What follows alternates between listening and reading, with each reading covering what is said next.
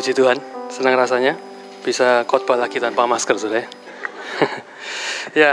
tadi teasernya Peter tadi betul-betul membangkitkan nostalgia gitu, sudah ya. Kalau dipikir-pikir lagi memang betul itu suatu hikmat yang luar biasa yang sampai sekarang kita bisa jadi orang yang mungkin bagi sebagian orang tidak bisa hidup tanpa hal-hal seperti itu. Bahkan bisnis pun sangat bergantung kepada sosial media, saudara. Ya, uh, suatu wisdom yang luar biasa. Hari ini kita akan belajar tentang secret of wisdom. Kita mau belajar dari orang yang seperti yang dikatakan Peter tadi, dalam firman Tuhan sudah dikonfirmasi bahwa dia adalah orang yang paling, paling memiliki hikmat. Saudara, kita mau baca ya di dalam ayatnya, saya bacakan saudara ya, ayatnya cukup panjang, satu Raja-Raja 3 ayat 3 kalau di situ ditulis sampai 12, uh, eh, sorry, sampai 10 di temanya, kita baca sampai ayat yang ke-12, tapi tidak kita baca semua, saudara ya. Saya akan bacakan satu Raja-Raja 3 ayat yang ketiga.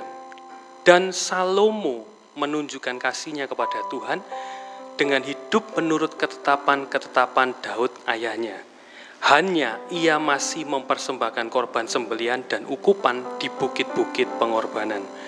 Empat, pada suatu hari raja pergi ke Gibeon untuk mempersembahkan korban, sebab di situlah bukit pengorbanan yang paling besar. Seribu korban bakaran dipersembahkan Salomo di atas mesbah itu.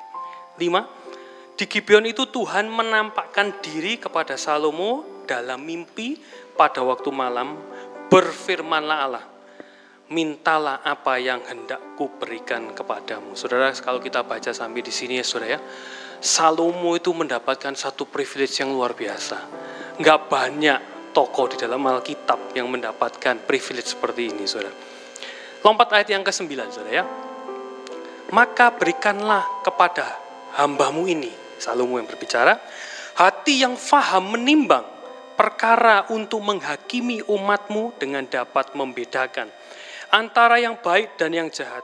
Sebab siapakah yang sanggup menghakimi umatmu yang sangat besar ini. Sepuluh, lalu adalah baik di mata Tuhan bahwa Salomo meminta hal demikian. Lompat ayat 12 saudara ya. Maka sesungguhnya aku melakukan sesuai dengan permintaanmu itu. Sesungguhnya aku memberikan kepadamu hati yang penuh hikmat dan pengertian. Sehingga sebelum engkau tidak ada seorang pun seperti engkau. Dan sesudah engkau takkan bangkit seorang pun seperti engkau. Saudara, sebelum saya mempersiapkan firman ini, saudara ya, saya survei ke beberapa orang, saudara. Saya survei ke beberapa orang mengenai perihal hikmat ini, saudara. Saya bertanya, kira-kira ketika kamu melihat menghadapi suatu masalah di, di, di dalam hidupmu gitu ya, apa yang kamu lakukan? Apa yang kamu lakukan? Ya, aku pasti ya akan berusaha menyelesaikan masalahnya. Gitu ya. Terus kemudian saya pancing lagi Saudara ya. Apakah cuma sampai di situ aja?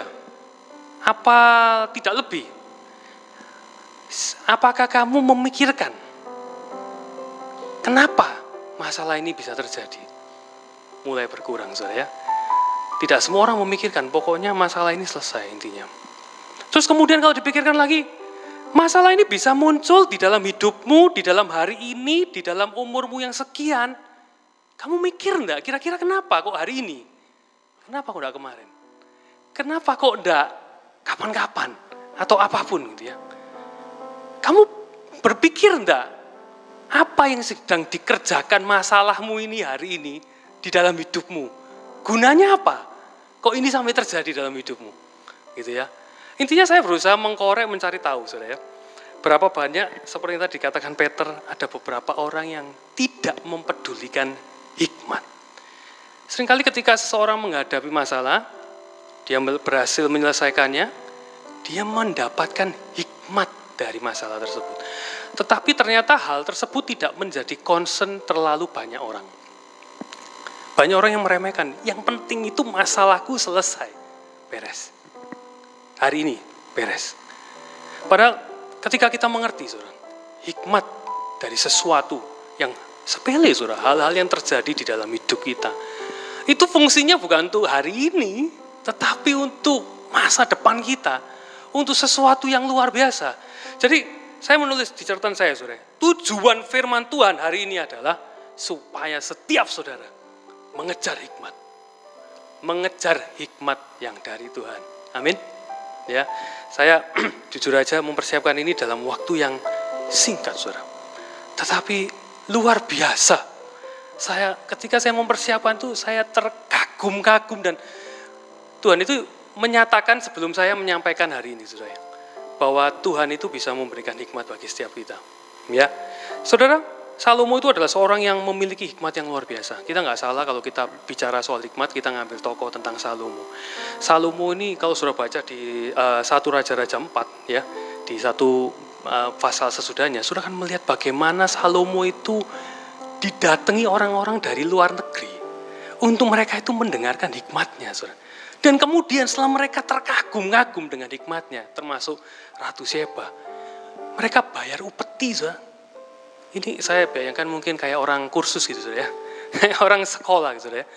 Mereka mungkin haus dengan segala perkataan hikmat, dengan amsal-amsal, dengan peribahasa-peribahasa, segala perkataan-perkataan yang penuh hikmat dan pengertian. Dan itu membuat orang-orang kagum. Dan di dalam firman Tuhan dikatakan Salomo itu dibandingkan waktu itu. Mungkin pada waktu itu sudah filsuf-filsuf terkenal abad itu, saudara ya Nah, dibandingkan lebih bijaksana, lebih berhikmat dari ini itu dan lain sebagainya. Saudara, kalau saudara belajar tentang filsafat saudara ya, mungkin saudara akan dikasih tahu siapa filsafat yang pertama yang disebutkan. Siapa saudara? Saya lupa namanya. yang pasti filsafat Yunani saudara. Filsuf Yunani. Seorang yang dikatakan paling hebat uh, bukan bukan. Sebelumnya itu lagi. Tapi itu abad sekitar abad kelima ke enam sebelum masehi. Salomo ini abad ke-9 sebelum masehi. Dan ini semua adalah sesuatu yang luar biasa. Dan kalau kita lihat di Alkitab Salomo diakui di mancanegara di dalam dunia internasional. Begitu luar biasa. Jadi intinya kita nggak akan salah kalau kita belajar dari Salomo. Amin, saudara. Ya. Tuhan pun menyatakan bahwa belum pernah ada seperti Salomo ini dan tidak tidak akan pernah ada lagi. Jadi saya ngajak anak saudara hari ini adalah untuk mari kita sama-sama mencari hikmat, bukan menjadi sama seperti Salomo ya. Karena Tuhan sudah mengunci Hikmat seperti Salomo cuma bisa dimiliki oleh Salomo. Sesudahnya nggak ada lagi. Jadi nggak usah dikejar, nggak usah capek-capek saudara ya. Jadi cukup. Saya kepingin saudara menjadi orang-orang yang rindu, mencintai dan mencari hikmat. Ya, saudara dalam satu Raja-Raja tiga yang ke-12 kita akan belajar. Saya firman Tuhan saya pada hari ini cuma dua poin sebenarnya saudara ya. Poin yang pertama kita akan melihat bagaimana hikmat yang diberikan Tuhan kepada Salomo itu bentuknya bagaimana. Kemudian yang kedua, yang pasti kita akan belajar bagaimana untuk kita bisa memiliki hikmat yang dari Allah. Ya, cuma dua poin saudara ya. Yang pertama kita akan lihat saudara. Di dalam satu Raja-Raja 3 ayat 12 tadi dikatakan, Aku memberikan kepadamu hati yang penuh hikmat dan pengertian. Yang pertama, saudara, bagaimana hikmat yang diberikan oleh Tuhan kepada Salomo, itu dikatakan aku memberikan kepadamu itu hati. Dan kalau sudah baca di dalam bahasa Ibrani-nya, itu di situ dikatakan artinya hati itu bukan cuma sekedar perasaan, saudara ya. Tetapi di situ ada tentang kecerdasan, intelligence. Dan dikatakan ada satu kalimat, the center of anything. Pusat dari segalanya. Saudara, jadi yang diberikan oleh Tuhan, hikmat dan pengertian itu, itu adalah hatinya, pusat dari segala sesuatu. Isinya apa saudara? Isinya ada perasaan, ada keinginan, ada kecerdasan, kehendak dan lain sebagainya. Pusat dari segala sesuatu.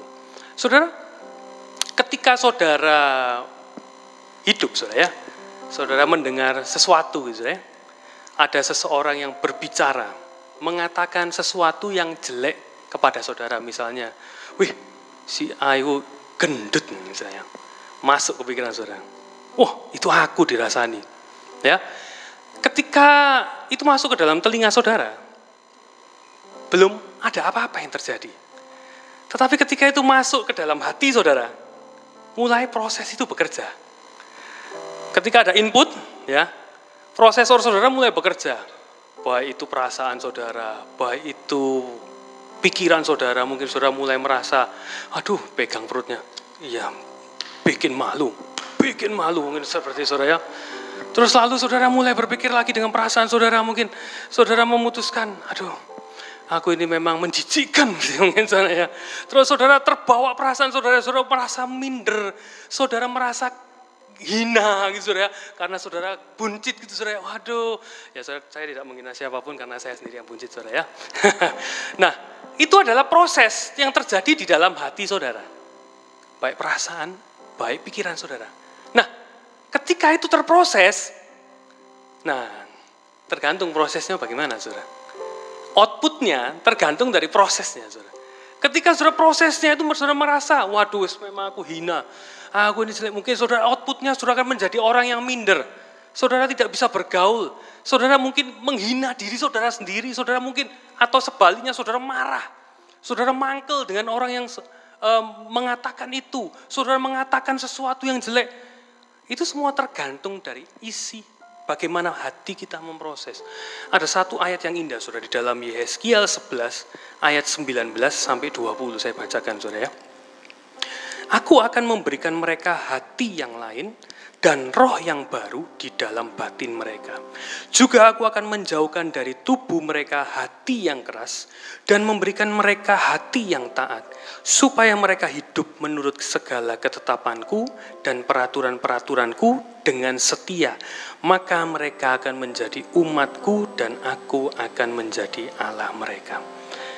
Kita melihat, saudara, ketika Tuhan itu mengubahkan hati kita, memberikan hikmat dan pengertian hati kita, maka akan terjadi perubahan yang instan, yang seketika. Ketika orang Israel dikatakan seperti ini, ya uh, nubuatan ini menceritakan tentang orang Israel. Ketika itu mereka adalah orang-orang yang memberontak, orang-orang yang berdosa kepada Tuhan. Tetapi ketika Tuhan memberikan hati yang lain, roh yang baru, seketika mereka berubah. Demikian juga ketika Tuhan memberikan hati yang penuh hikmat dan pengertian. Saudara nggak perlu belajar ensiklopedia. Saudara tidak perlu belajar Wikipedia di seluruh tentang semua hal supaya saudara bisa mengerti, supaya saudara bisa mempunyai hikmat. Tetapi itu akan terjadi seketika. Proses ini tidak akan bisa dicapai oleh manusia, saudara ya. Siapa pun, saudara. Sebutkan orang paling cerdas di dunia, Albert Einstein. Dia tidak akan bisa mengejar hal ini. Dia membutuhkan waktu. Sampai-sampai kalau kita lihat fotonya zaman sekarang, selalu seorang tua yang sudah tua, rambutnya putih semua, baru dikatakan sebagai seorang Albert Einstein yang terkenal cerdas dan lain sebagainya. Butuh waktu untuk seseorang secara normal untuk menjadi berhikmat dan memiliki pengertian. Tetapi ini sesuatu yang berbeda ketika Tuhan memberikan hati yang penuh hikmat dan pengertian. Itu terjadi seketika, Saudara. Saudara pernah make Windows 1? Ya, kita nostalgia lagi, Saudara ya. Saya paling rendah itu, paling pernah saya coba itu Windows 3, Saudara. Terus kemudian coba saudara bandingkan kalau saudara tahu tampilannya Windows 1, Windows 3 zaman dulu. Windows 1 itu tam, muncul sekitar tahun 80-an awal saudara ya. Coba saudara bandingkan Windows 1 dengan prosesornya waktu itu saya tidak tahu namanya apa, Intel pakai nama apa, saya lupa saudara ya. Bandingkan dengan sekarang. Intel i9 terbaru tercepat dengan Windows 11. Kira-kira apa yang bisa dilakukan? Fiturnya itu berubah begitu Jauh saudara ya. Ini masih ciptaan manusia. Saya cuma memberikan gambaran betapa ketika seseorang itu mendapatkan hati yang baru. Perubahan itu seperti melompat dari Windows 1 ke Windows 11 sekarang, saudara. Betapa banyak hal yang bisa dilakukan oleh Windows 11 yang tidak bisa dilakukan oleh Windows-Windows yang lama. Dengan prosesor, dengan kecepatan yang canggih. Saudara mungkin kalau di dunia pekerjaan saya, saya bukan seorang desainer ya saudara ya. Saya ingat waktu dulu uh, istri saya itu kan di cafe saudara dia itu cerita tentang apa yang dipelajari. Uh, Adobe Premiere Pro 6. Wah, zaman dulu saudara. Oh, bisa ini, ini, ini, ini. Itu tahun sekitar tahun 2000-an saudara ya, 2000 awal. Kalau sekarang sudah buka Premiere Pro terbaru, itu fitur-fiturnya begitu luar biasa. Banyak hal yang ditambahkan yang membuat kita itu menjadi lebih mudah. Saudara, itulah bedanya saudara. Ketika kita menerima hati yang penuh hikmah dan pengertian. Itu tidak terjadi secara bertumbuh, tidak bertahap, tetapi secara instan, saudara. Sesuatu yang tidak mungkin terjadi, tiba-tiba orang zaman dulu yang masih pakai Windows 1, tiba-tiba pakai Windows 11. Tetapi di dalam Tuhan, ketika Tuhan memberikan hati yang penuh hikmat dan pengertian, hal itu terjadi dengan seketika, saudara luar biasa. Ada saudara pernah merasakan hal seperti ini? Ketika saudara tiba-tiba mendapatkan hikmat, sesuatu yang tidak bisa saudara pikirkan sebelumnya. Inilah yang pertama, saudara. Sifat dari hikmat itu. Seketika. Yang kedua, saudara. Dikatakan hati yang penuh hikmat. Hikmat itu apa sih, saudara? Hikmat itu adalah sebuah kemampuan, sebuah kecakapan untuk mengambil keputusan, untuk mengerjakan, melakukan, mengatakan, mengatur sesuatu dengan benar, dengan tepat, sesuai dengan keadaan yang terjadi. Saudara bisa cari di Google. Pasti definisinya bukan itu, saudara. Karena itu definisi yang saya dapat. Dari mana, saudara? dari firman Tuhan. Kata hikmat di sini itu sering kali disematkan ketika Tuhan itu menunjukkan di dalam firman Tuhan tentang seseorang yang bekerja melakukan sesuatu, yang mempunyai skill, yang mempunyai kemampuan. Mungkin kemampuan di dalam berperang, mengatur strategi peperangan. Dan juga salah satunya di awal-awal di dalam Alkitab diceritakan tentang Aholiab. Sudah tahu Aholiab? seorang yang diberikan tugas untuk membuat kemah suci, untuk membangun perkakas. Saya rasa kenapa Tuhan perlu memberikan hikmat kepada Aholiab. Karena mungkin mereka adalah terlahir dari bangsa budak. Saudara. Mungkin mereka nggak pernah tahu bagaimana cara memproses perhiasan, memproses emas, dan lain sebagainya. Tetapi hikmat itu diberikan, saudara. Kalau saudara baca di dalam keluaran 31 ayat ke-6 di diceritakan bagaimana Aholiab diberikan ya di dalam hati mereka keahlian untuk membuat itu. Saudara, hikmat itu adalah sebuah kemampuan bagi saudara untuk apa saudara? Menyelesaikan masalah yang terjadi di dalam hidup saudara. Contohnya apa saudara? Ketika Salomo baru bermimpi dan kemudian dia diberikan hikmat oleh Tuhan, apa yang kemudian besoknya terjadi? Ya, Salomo dites, orang. Ada dua orang ibu yang datang kepada Salomo membawa bayi mereka, bayinya se seorang bayi, di mana ibu yang satu mengatakan,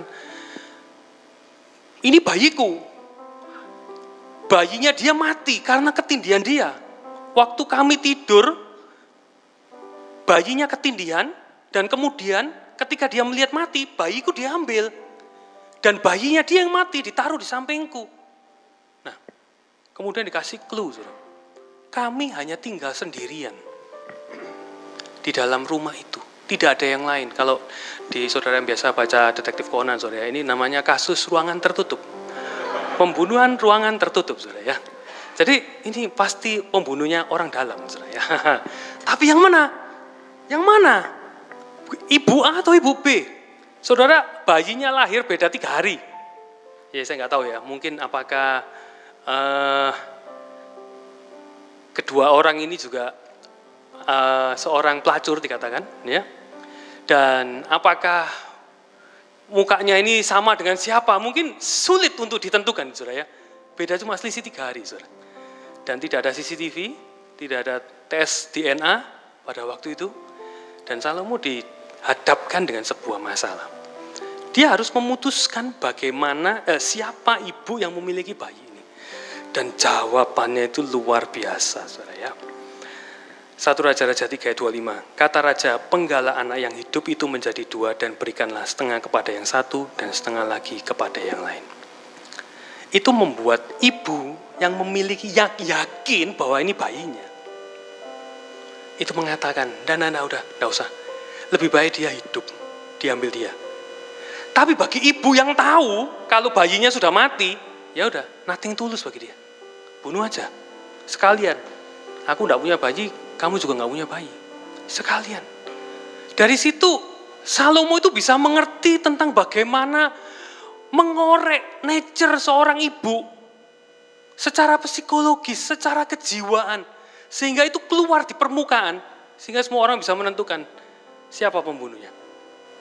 Itu sesuatu yang luar biasa dan titik kejadian itu itu membuat nama Salomo menjadi luar biasa. Kehikmatnya itu terdengar ke mana-mana, bahkan sampai ke luar negeri dimulai dari kejadian ini, saudara. Jadi ketika kita memiliki hikmat, kita itu mempunyai kemampuan untuk menentukan sebuah keputusan ketika kita menghadapi masalah, saudara. Siapa di sini, saudara, yang tidak punya masalah? Ada saudara? Saya hari ini berdiri di sini, saya sedang menghadapi, ada masalah-masalah yang saya hadapi. Masalah-masalah yang saya boleh katakan buntu, saudara. Rasanya nggak ada cara lain, saudara ya. Ya tadi pagi Henry barusan cerita bagaimana caranya, anu saudara ya, dalam bisnis, saudara ya, dalam pekerjaan. Itu cara-cara yang tidak terpikir oleh saya. Mungkin saya tidak se pintar dia di dalam hal perpajakan, saudara ya. Oh, ya. Di dalam hal-hal itu saya tidak mengerti. Kita semua punya limitasi. Apalagi ketika saudara dihadapkan dengan sakit penyakit. Kalau saudara bukan dokter, saudara ya. Saya bukan dokter, saya tidak bisa memikirkan apa yang harus saya lakukan ketika saya menghadapi sebuah sakit penyakit. Tetapi kita punya Allah yang bisa memberikan hikmat seketika. Untuk kita bisa mengambil keputusan untuk kita bisa menyelesaikan masalah kita. Salah satu contohnya, saudara. Saya ini tiba-tiba, saudara ya, uh, terkena tekanan darah tinggi, saudara. Padahal biasanya normal. Eh, tiba-tiba dua minggu yang lalu, tiga minggu yang lalu saya ngetes di rumah mama saya. Loh, tekanan saya 100, bawahnya, atasnya 150, saudara. Wih, saya ini masih kepala empat baru ke, empat kecil, saudara ya. Belum empat besar, saudara ya belum hampir 50. Saya susah Suraya. Saya mulai terpikir terus, waduh saya melihat papa saya, wah mungkin apakah ini turunan dan lain sebagainya. Apa yang harus saya lakukan Suraya? Banyak orang mengatakan ini itu harus gini-gini. Olahraga, saya baca olahraga juga tidak menyelamatkan dari darah tinggi Suraya. Saya cuma berdoa, Tuhan aku jujur aja Suraya, takut saya. Apa yang harus saya lakukan? Saya tidak tahu gimana. Tiba-tiba istri saya itu mengatakan, ayo coba ayo makan oatmeal Suraya Waduh, saudara. Oatmeal itu sangat tidak menyenangkan bagi saya, saudara ya. Aduh, saya pernah mencoba, saudara ya, untuk diet, bukan darah tinggi, saudara ya. Tapi itu sesuatu yang menjijikan, saudara ya. Rasanya lebih baik saya makan nasi putih sama kecap daripada makan oatmeal, saudara ya. Nah, tapi waktu itu saya, oke okay, coba. Tapi gimana ya? Saya coba browsing-browsing. Tiba-tiba Tuhan memberikan hikmat. Ya, saya mau membagikan satu resep pada saudara, tapi ini mungkin saudara tidak bisa menerima semuanya, karena ini resep yang spesifik untuk saya, saudara ya. Saya tidak akan bagikan, mungkin saudara juga akan merasa jijik dengan resep saya, gitu ya. Jadi saya tidak akan cerita. Tapi tiba-tiba Tuhan memberikan sebuah resep, di mana sekarang saudara? Saya itu pagi makan oatmeal, malam makan oatmeal, itu dengan sangat nikmat, bahkan saya menunggu-nunggu waktu untuk makan oatmeal, saudara. Ya, kalau nanti saudara ada yang perlu nanti saya kasih DM. Tapi saya rasa tidak semua saudara kan suka saudara ya. Agak aneh saudara ya. Tapi saya bisa menikmati. Saya merasakan tiba-tiba seketika dan puji Tuhan, tekanan darah saya turun saudara. Setelah dua minggu turun, mungkin dulu terlalu banyak garam, terlalu banyak McD, terlalu banyak saus, terlalu banyak ini itu saudara ya. Ketika saya mulai hidup sehat, Tuhan memberikan caranya. Saya itu luar biasa saudara. Satu kali saya menghadapi customer saya saudara, beli sebuah spare part di saya, sebuah mesin. saya itu teknik mesin saudara ya. Ketika saya dihadapkan dengan elektrik, elektronika, saya buta saudara. Saya tidak ngerti apa-apa. Ketika yang dibeli itu adalah sesuatu yang bersifat elektronik saudara ya. Ketika saya dipanggil, saya nggak tahu, saya datang ke situ. Saya datang sendirian, saya ditunjui, Pak mesinmu ini baru sak minggu rusak. Saya bingung saudara saya tidak ngerti sama sekali. Saya coba buka katalognya, sok pinter soalnya harus di depan customer harus sok pinter sedikit itu. Saya buka katalognya, diagram uh, diagram wiringnya, saudara. Saya gak ngerti belas, belas nol putul saya tidak mengerti sama sekali. Saudara, tiba-tiba saya cuma berdoa, Tuhan tolong Tuhan ini kecepet Tuhan. Kanan kiri ini semua teknisi elektro, saudara. Saya berpikir, kenapa kamu kok mikir sendiri sih? Kok manggil saya? Aku tuh gak ngerti ini gitu ya. Tapi mungkin karena saya penjualnya saudara ya. Jadi mereka berharap saya yang bisa menyelesaikan masalahnya. Saya berharap Tuhan tolong Tuhan. Tiba-tiba saudara, diagram wiring itu saudara, itu tiba-tiba menjadi terang benderang saudara. Oh harusnya itu dipasang di sini, pasang sini, sini, sini. Akhirnya saya coba saudara, berhasil beres. Itu semua bukan karena kemampuan saya saudara ya. Saya kalau lihat wiring diagram itu, ya seperti lihat cuma garis-garis yang tidak berarti saudara. ya di dalam hal apa, saudara? Pekerjaan, kesehatan. Satu kali ada seorang suami istri, saudara. Bicara sama saya, mereka itu berkelahi terus, berkelahi terus menerus. Dan masalahnya sama, sampai yang dikatakan eh, kalimat-kalimatnya yang dikatakan itu sama terus, saudara. Ya, sama terus. Jadi kayak kalau saya pikir, waduh, saya cuma dengerin gini aja cuma saya cuma dengerin. Ini kalau diterus no ini nggak ada habis ini ya. Ini seperti masuk dalam lingkaran setan. Mana yang harus dilakukan mana apa yang harus dilakukan? Nggak tahu nggak tahu. Ya. Tetapi dengan tiba-tiba Tuhan itu bisa memberikan hikmat ada satu perkataan yang saya ucapkan kamu harus potong lingkaran setan ini Salah satu di antara kalian harus berkorban untuk dipotong. Kalau yang pasanganmu tidak mau mengalah, selalu ngungkit masalah yang sama, kalimat yang sama, sampai Tuhan datang yang kedua kalinya, tetap kalian akan berkelahi dalam hal ini. Harus ada yang mau dipotong. Loh, saya cuma ngomong seperti itu, saudara ya. Tetapi ketika setiap saat itu, uh, teman saya ini mengatakan, loh iya ya, Oh gitu ya. Dia seperti dicelikan saudara. Saya yakin ya itu bukan hikmat yang terlalu hebat. Tetapi ketika hikmat itu dari Tuhan, itu sesuai dengan kebutuhan orang itu. Saudara, dan seketika itu, oke, okay, tak coba. Tak coba. Ya, saya mengatakan seperti ini. Kalau Tuhan mengatakan, Yesus rela berkorban untuk jemaat. Apalagi suami. Kamu harus bisa rela untuk berkorban. Kamu belum dibunuh mati om sama istrimu. Belum. Untuk istrimu belum. Kamu masih cuma harus menanggung cerewetnya istrimu aja gitu. ya tidak semua perempuan di sini cerewet sudah ya. Saya tidak diskriminatif. Tapi kamu cuma harus menahan telingamu. Cuma harus diem kamu harus mau dislay oleh istrimu. Terlalu sadis, ya. Oke. Kamu belum berkorban mati untuk istrimu. Tiba-tiba perkataan itu menjadi kekuatan, saudara. Saya juga heran. Duh, kamu nggak ngerti tak? Itu kan ada ayatnya di Alkitab.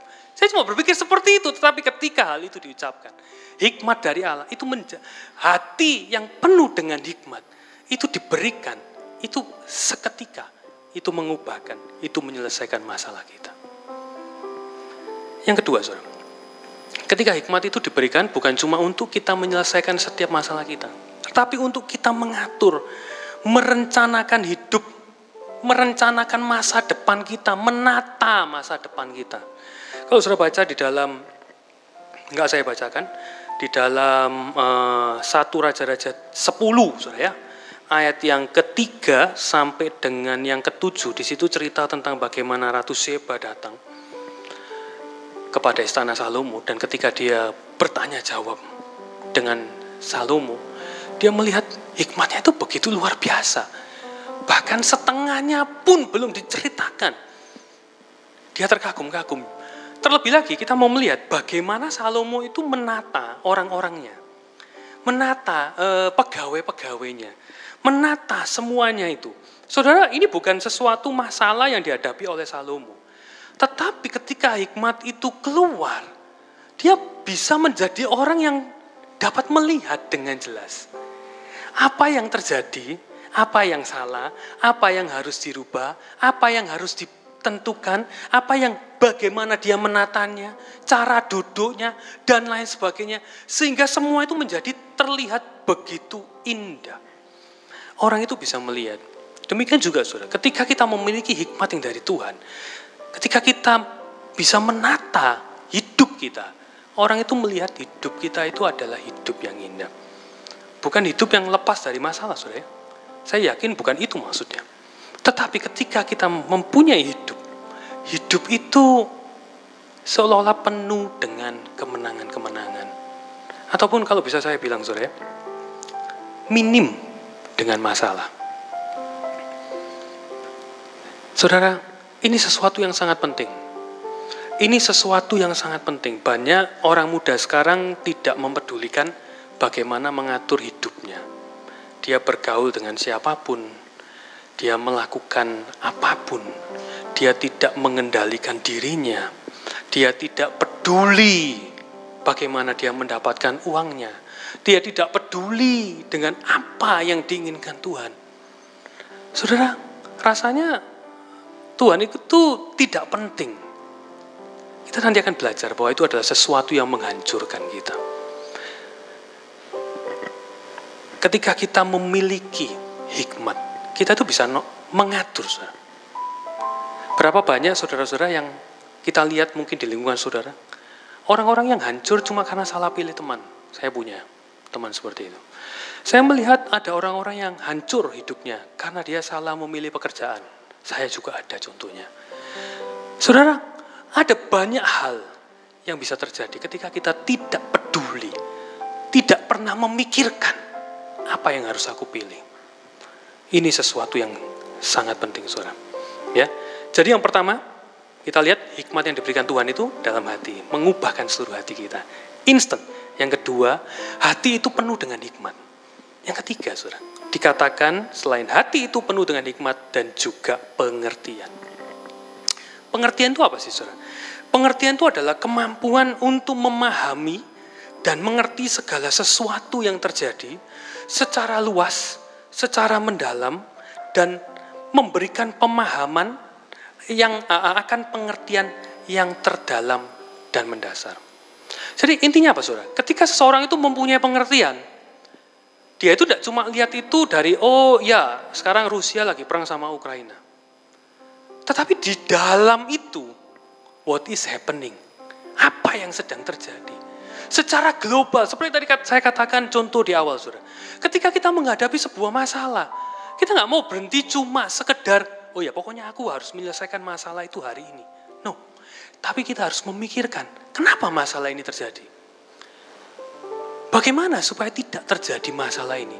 Apa dampaknya dalam hidup kita? Apa dampaknya di dalam rencana Tuhan, di dalam hidup kita? Ketika seseorang mungkin jatuh di dalam dosa, dia bukan cuma memikirkan bagaimana aku keluar, aku lepas. Tetapi kenapa aku sampai jatuh? Hal-hal yang mendasar kita ketika kita mengerti. Kita ketika kita mendapatkan pengertian yang luar biasa kita mendapatkan hikmat yang luar biasa dari setiap yang terjadi, terjadi dalam hidup kita. Itu luar biasa, saudara. Jadi, kalau saya membaca, saudara ya, filsuf-filsuf itu bisa terkenal karena apa, saudara? Mengapa mereka bisa terkenal ketika mereka mengucapkan kata-kata yang perlu hikmat ini, saudara? Satu, saudara Karena mereka selalu merenungkan apa yang terjadi di dalam hidup mereka. Apa yang terjadi di sekeliling mereka secara mendalam, secara luas. Bukan cuma tentang kita saja. Ketika kita menghadapi masalah, saudara, kenapa kok hal ini terjadi? Ini bukan tentang diri kita saja, saudara. Ketika seseorang menghadapi kematian orang yang dikasihnya, itu bukan cuma cerita tentang orang itu habis masa hidupnya di dalam dunia tetapi ada dampak yang lebih luas. Ada pengaruh yang lebih luas yang perlu kita mengerti. Saudara. Saya rindu setiap saudara menjadi orang-orang yang mau berpikir. Kita lebih dari berpikir, saudara ya. Kita mau rindu, minta pengertian itu dari Tuhan. Saudara, pengertian itu adalah sesuatu yang penting. Ketika saudara masuk rumah sakit, saudara ya. Ketika saudara masuk rumah sakit, satu kali saudara ya, ya saya mau saksi juga saudara ya. Satu kali mata saya itu timbilen saudara ya. Timbilen agak besar gitu ya. Lah kok tak agak besar ini kok gak kempes-kempes saudara ya. Saya sampai ke kaum muda, sempat ke kaum muda dengan timbilen yang besar. Untung diselamatkan oleh masker ini saudara ya. Jadi mungkin saudara tidak ada yang notice, tidak ada yang tahu ya. Timbilen besar saudara hampir dua minggu tidak sembuh, saudara. Waktu itu saya ke, bingung, saudara. Saya takut, saya ke dokter. Ketika saya ke dokter, eh malah ketahuan, saudara. Mata saya ini ada glukomanya, dicurigai glukoma. Saya kaget. Saya tanya ke dokter, dok ini kenapa dok? Apa karena kebanyakan McD dok? Oh bukan itu ya. Yang masih bukan KFC atau McD. Gitu ya, bukan karena kopi-kopian, bukan. Wah istri saya sudah langsung nyolot, saudara. Wah ini kakek kopi, mangano tekanan darah tekanan darah dukur, tekanan mata dukur, wes, opo eh dukur wes gitu ya. Saya Tuhan kenapa gitu ya? Kemudian saya ke dokter lain lagi, cek opini yang kedua, saya, saya ya lumayan ketir-ketir, ya, karena memang jujur aja, katanya glukoma itu ternyata turunan, ya, karena ternyata turunan. Dan kemudian saya, apa saya glukoma, dan saya berpikir seperti itu, saya cek, Ternyata waktu cek dokter kedua, oh iya memang matamu itu bentuknya kelihatannya ben, kelihatannya kayak glukoma, tapi di tes tekanan matanya normal. Oh, puji Tuhan, Saudara ya. Puji Tuhan. Saudara, puji Tuhan itu keluar setelah saya stres, Saudara.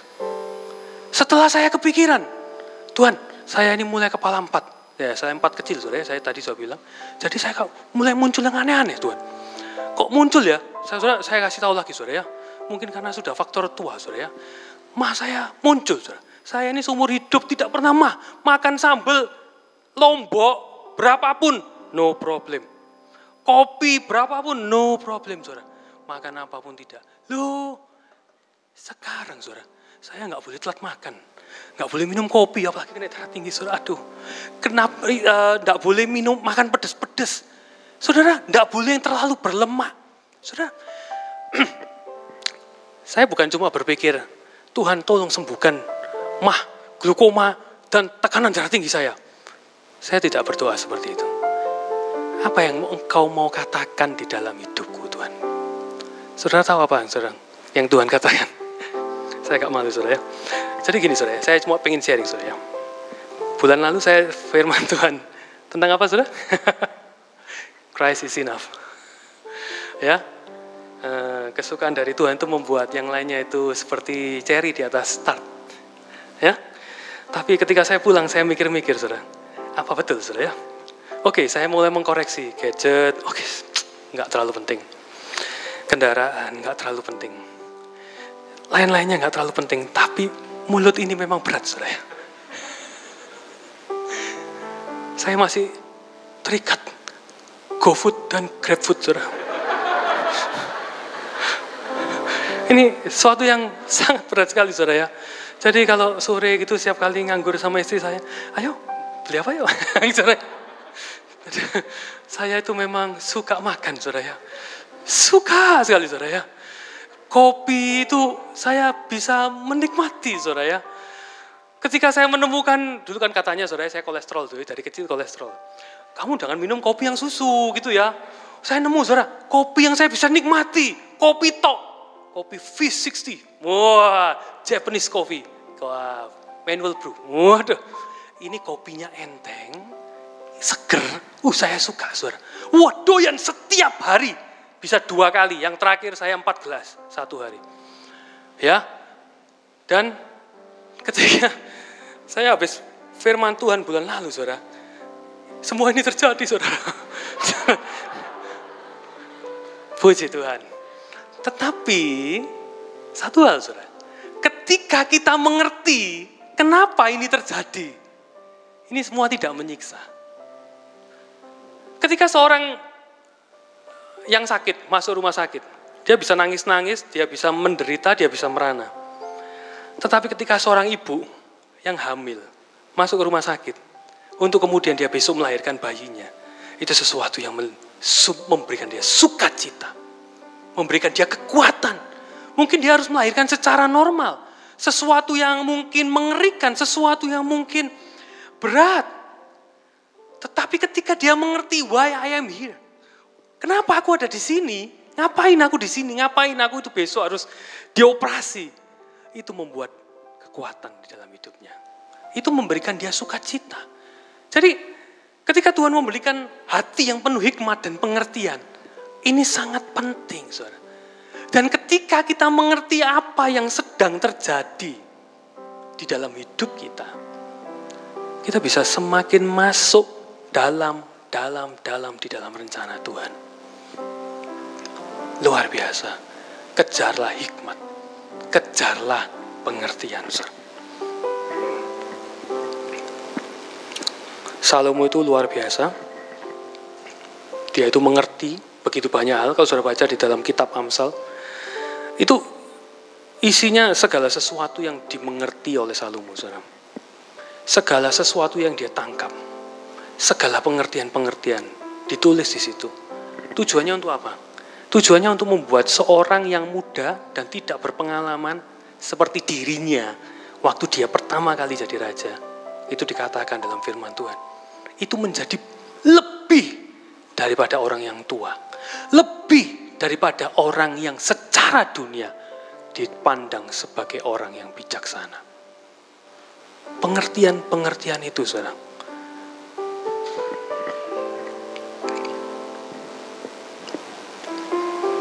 Satu kali ketika masuk di dalam ibadat online, saudara ya.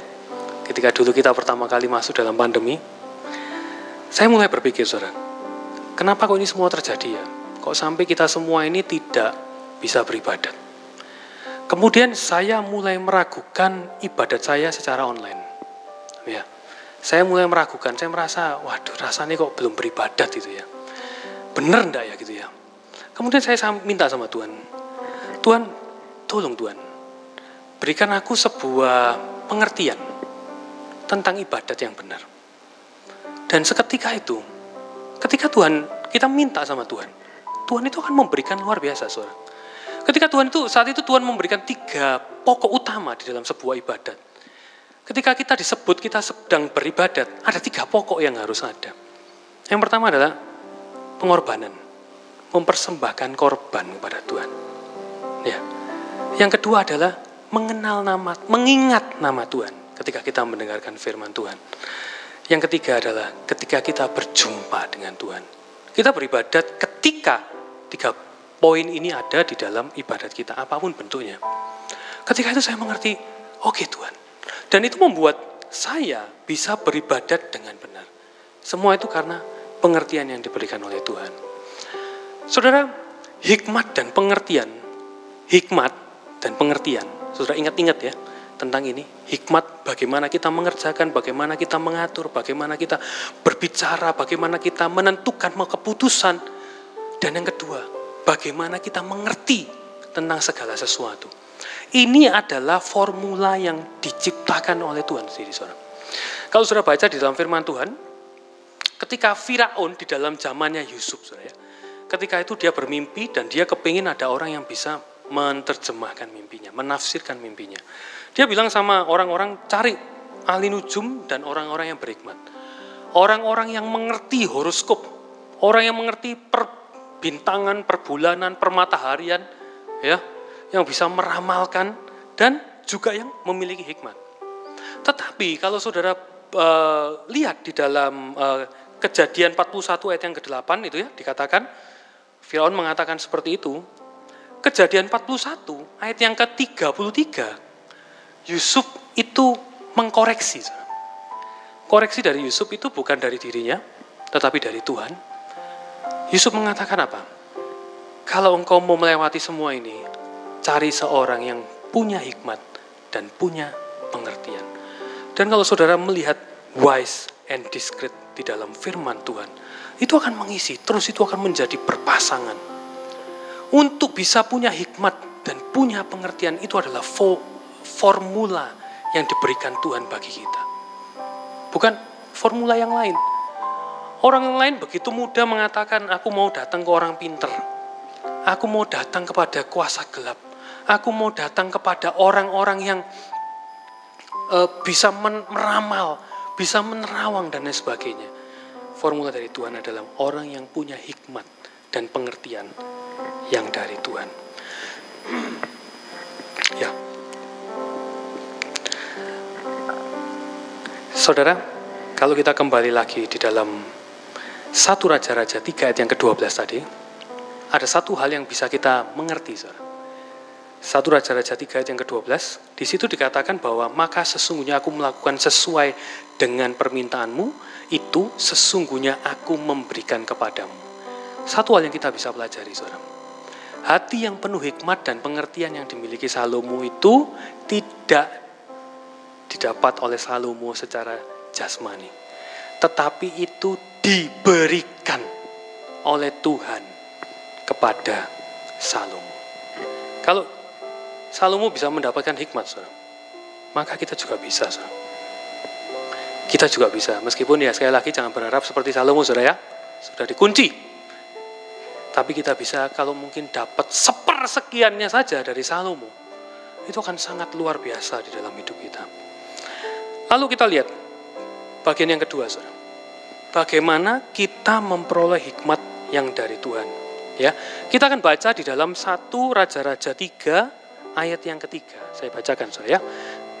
Yang pertama, dan Salomo menunjukkan kasihnya kepada Tuhan dan hidup menurut ketetapan-ketetapan Daud ayahnya.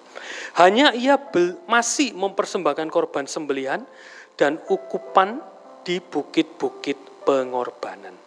Saudara bisa baca di sini. Jadi sebelum kejadian mimpi itu, Salomo itu uh, dikatakan bahwa dia itu menurut ketetapan-ketetapan Daud, orang yang berkenan di hati Tuhan. Salomo itu takut akan Tuhan. Salomo itu menuruti segala apa yang dikatakan oleh firman Tuhan.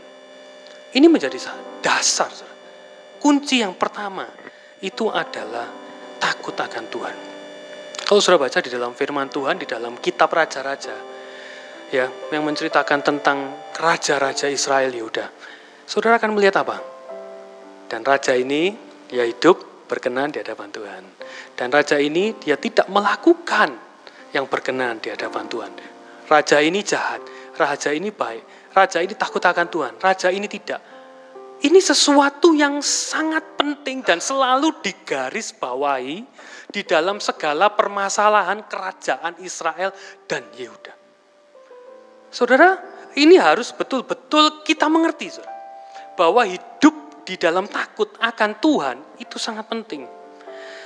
Seringkali manusia zaman sekarang itu, saudara, lebih tidak takut akan Tuhan. Karena apa, saudara? Karena masalah humanisme. Karena masalah-masalah yang lain. Ketika seseorang dihadapkan dengan isu LGBT, tentunya saudara ya, tidak semua, misalnya gini, dari zaman dulu dibandingkan dengan zaman sekarang, akan lebih banyak orang yang bisa mentoleransi mungkin. Kalau dia tidak menerima atau dia tidak melakukan LGBT akan semakin meningkat jumlah orang yang bisa menoleransi. Nggak apa-apa, itu kan mereka. Mereka juga manusia. Itu bukan salah mereka. Mereka terlahir seperti itu. Keluarga mereka seperti ini, itu, dan lain sebagainya. Takut akan Tuhan itu sering kali mulai dipudarkan. Dengan berbagai macam alasan. Ketika kita mengatakan, saudara, sebagaimana seseorang laki-laki yang belum menikah atau bahkan yang sudah menikah tidak bermasturbasi, misalnya salah satu contoh, saudara. Itu sesuatu yang umum. Ya nanti dikeluarkan lagi teorinya, kalau tidak itu berarti nanti nanti bisa rusak, bisa sakit ini dan lain sebagainya. Ketika kita dihadapkan dengan isu-isu yang berkaitan dengan dosa, kita sering kali manusia itu berusaha untuk mengencerkan. Itu normal. Itu netral. Zaman dulu tidak netral, zaman sekarang netral. Zaman sekarang biasa. Biasa karena apa? Karena berbagai macam alasan, Saudara. Masalah humanisme, masalah hak asasi manusia dan lain sebagainya. Dan betapa berapa banyak orang sekarang itu sudah bukan masalahnya lagi si A pindah agama, tapi apa? Si A menjadi ateis. Si A tidak lagi peduli sama Tuhan. Satu kali saya mengatakan seperti ini pada anak saya. Kamu datang ke gereja, kamu melayani, bagus.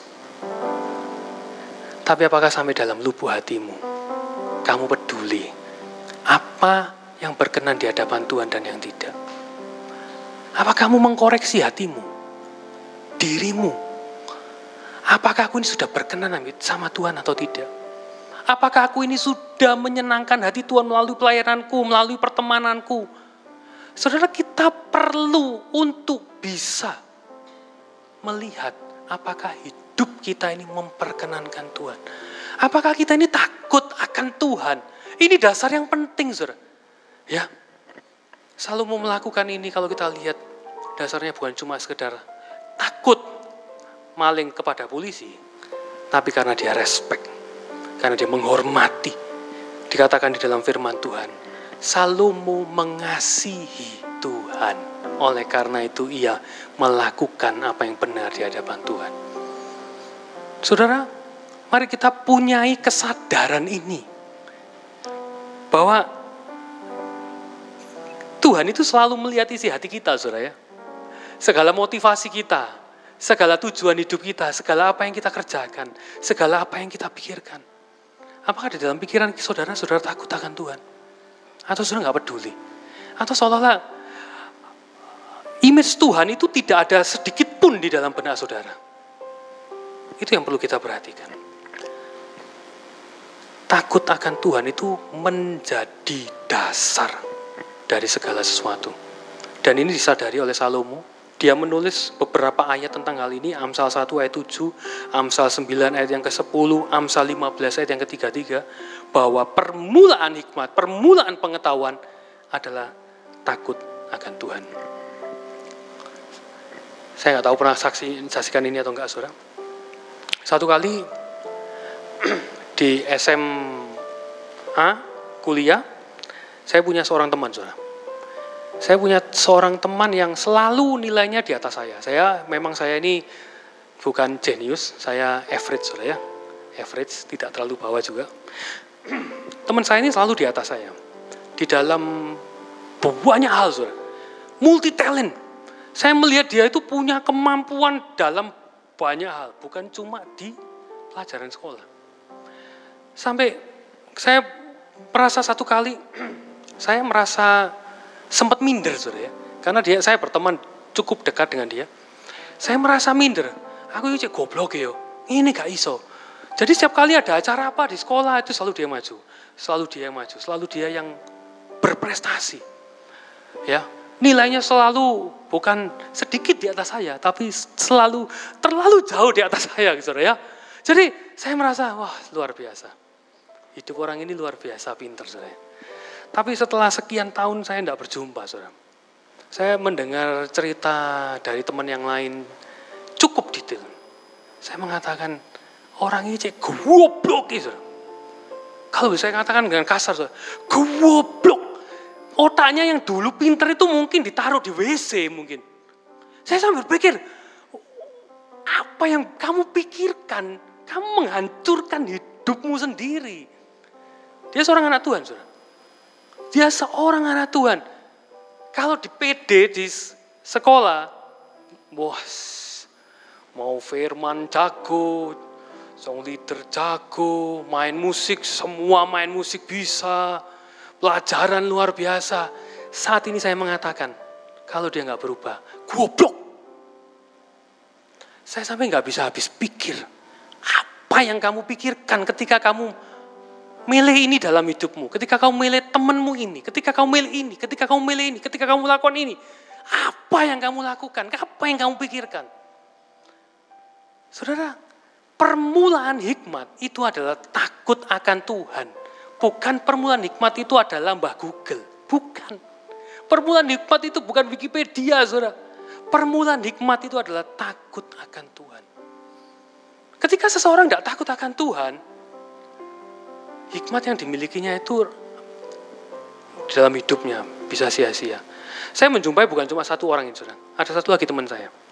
Seorang pelajar berprestasi. Dia satu kali pernah cerita sama saya. Aku ini apa ya? Segala yang tak laku kok salah.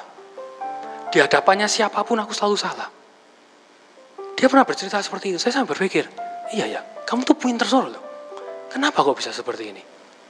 Seringkali hikmat di dalam pelajaran, di sekolah, di dalam skill kita, itu tidak ada relevansinya dengan hidup kita, saudara.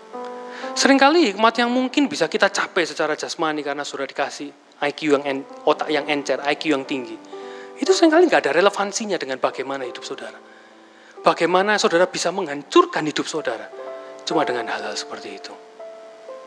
Saudara, terlalu banyak cerita yang menceritakan seperti ini.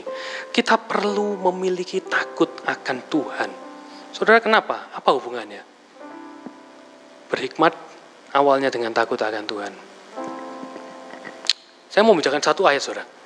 Amsal 3 ayat 19. Dengan hikmat Tuhan telah meletakkan dasar bumi dengan pengertian ditetapkannya langit. Jadi saudara, Tuhan itu tidak seperti Isaac Newton ketika dia duduk, lihat apel jatuh, dipelajari, ketemu gaya gravitasi. Dia tidak mengamati hukum yang ada di dalam bumi sehingga dia mengerti, tetapi dia yang meletakkan hukum itu di dalam bumi. Kalau misalnya Tuhan waktu itu lagi kepingin itu ya, waktu menciptakan dunia ya, ah gravitasi itu ke atas bukan ke bawah. Ya mungkin sampai sekarang gravitasi ke atas semua saudara. Itu saudara. Karena Tuhan itu bukan memil, mengerti hikmat, tetapi dia yang memiliki, dia yang membuat, dia yang mengatur semuanya itu di dalam diri. Dia yang memiliki. Oleh karena itu siapa yang takut akan Tuhan, dia akan beroleh hikmat. Yang kedua, saudara, bagaimana memperoleh hikmat? Satu Raja-Raja 3 ayat 4. Pada suatu hari Raja pergi ke Gibeon untuk mempersembahkan korban, sebab di situlah bukit pengorbanan yang paling besar. Seribu korban bakaran dipersembahkan Salomo di atas mesbah itu. Tentang sesuatu yang kita persembahkan, Ketika ketika dalam kita beribadat, kita lebih menuntut apa yang aku dapatkan ya hari ini ya. Hari ini Stanley tadi, ketika tadi dia memimpin puji-pujian, dia memulai dengan mengatakan, mari kita ucapkan syukur dulu. Jangan, istilahnya jangan ngangkat masalah-masalahmu. Ucapkan syukur. Ketika kita datang ini kita mempersembahkan korban bagi Tuhan. Ibadat ini bukan tentang kita. Bukan tentang, oh firman Tuhannya hari ini menjamahku, memberkati. Oh puji-pujian hari ini luar biasa, aku bersuka cita. Ketika saudara pulang dengan tidak merasakan apa pun yang di mana seharusnya tidak terjadi ketika Tuhan datang. Tetapi ketika saudara punya hati yang memberikan, mempersembahkan korban, Itulah persembahan, itulah ibadat yang sejati. Itulah ibadat yang benar. Saudara, berapa yang kita persembahkan untuk Tuhan? Apa yang kita sudah lakukan untuk kita mendapatkan hikmat? Berapa lama saudara baca Alkitab? Berapa banyak? Berapa kali? Sudahkah saudara menghabiskan firman Tuhan? Alkitab dari depan sampai terakhir. Berapa banyak waktu yang saudara-saudara berikan untuk mengejar hikmat? Dan ketika kita mempersembahkan korban, satu hal saudara, persembahan itu sebagai sebuah bukti bahwa kita itu menghormati Tuhan. Bahwa dia di atas segalanya. Bahwa aku umatmu, engkau adalah Allahku. Jadi yang pertama kita lihat, ya, takut akan Tuhan. Dan apa yang dilakukan oleh Salomo adalah mempersembahkan korban. Yang ketiga, saudara, yang terakhir apa yang harus kita lakukan? Satu Raja-Raja tiga yang ke-9. Salomo mengatakan seperti ini kepada Tuhan. Maka berikanlah kepada hambamu ini hati yang faham menimbang perkara. The one and only permintaan dari Salomo adalah hikmat. Sekarang pertanyaannya, apakah saudara punya sudah minta hikmat sama Tuhan? Dua hal yang tadi saya sebutkan tentang bagaimana saudara hidup takut akan Tuhan, bagaimana saudara mempersembahkan korban pada Tuhan, itu sebenarnya adalah sebuah standar minimum, saudara, di dalam hubungan kita dengan Tuhan. Tidak ada hubungannya dengan hikmat. Salomo tidak akan serta-merta mendapatkan hikmat cuma dengan melakukan dua ini. Tapi ada satu hal yang terakhir. Dia memutuskan untuk meminta hikmat. Oleh karena itu saya mengatakan kepada saudara, di awal Tujuan saya menyampaikan firman Tuhan, saya kepingin setiap saudara menjadi orang yang mengejar hikmat, mengejar pengertian. Yakobus 1 ayat yang kelima mengatakan, apabila di antara kamu ada yang kekurangan hikmat, hendaklah ia memintanya kepada Allah. Minta, saudara. Ya, saudara, saya pernah melihat sebuah uh, seseorang, saudara ya. Seseorang ini menurut saya dia betul-betul sungguh-sungguh sama Tuhan. Ya, dia banyak melakukan puasa, dia banyak melakukan uh, pembelajaran firman Tuhan. Dia sungguh-sungguh. Ibadatnya hampir nggak pernah bolong. Saya bisa mengakui itu, saudara, dari apa yang saya lihat. Tetapi satu hal, ketika saya sempat berbincang-bincang sama dia, dia mengatakan seperti ini. Sudah, hidup itu pasrai. Ya. Pasrai sama Tuhan. Gak usah kakek dipikir. Hidup itu mengalir aja. Hidup itu gak usah dipikir. Kamu sakit? Ya doa. Tuhan pasti sembuhkan. Jangan dipikir. Satu hal saudara. Dia sudah melakukan dua yang tadi saya sebutkan. Tapi dia tidak pernah meminta hikmat. Ada bedanya. Ketika orang ini hidup di dalam lingkungannya di dalam keluarganya, di dalam pertemanannya. Orang ini sering kali tidak bisa jadi berkat. Orang ini justru membuat, sering kali membuat orang lain tersontoh. Saudara kita perlu mengerti, dua hal yang tadi saya sebutkan, itu tidak serta-merta membuat saudara berhikmat. Tapi satu hal yang paling penting, ketika saudara merindukan hikmat, mintalah, kejarlah, kejar. Saudara melalui pembacaan firman Tuhan, melalui setiap perenungan-perenungan kita, saat teduh kita. Saudara, saat teduh kita itu jangan cuma diisi dengan permintaan Tuhan, aku tuh kepengen ini Tuhan, aku kepengen ini, daftar uh, list, to-do list yang harus dikerjakan oleh Tuhan. Saudara, list gitu saudara. Ah, ini sudah kamu lakukan Tuhan, ya. Yang ini belum, yang ini belum. Tuhan, Tuhan ini semua masih banyak numpuk ya Tuhan, ya nanti kalau telat-telat nanti ditendal Tuhan, ya, misalnya seperti itu. Saudara. Kita tidak cuma menceritakan itu, saudara. Tapi kita mau berbicara dengan Tuhan. Berikan aku hikmat. Berikan aku pengertian Tuhan. Puji Tuhan. Kesimpulan yang terakhir, saudara. Kesimpulan firman Tuhan pada malam hari ini. Saya cuma kasih, satu ayat, saudara ya. Sorry, dua ayat.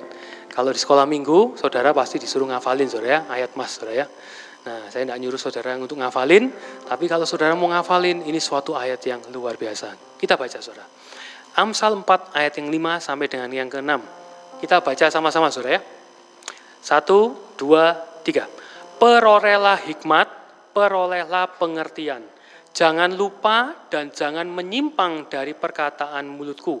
Janganlah meninggalkan hikmat itu, maka engkau dipeliharanya, kasihilah dia, maka engkau akan dijaganya. Ya, puji Tuhan, firman Tuhan pada malam hari ini, saya rindu setiap saudara mau memikirkan hal ini. Mintalah hikmat.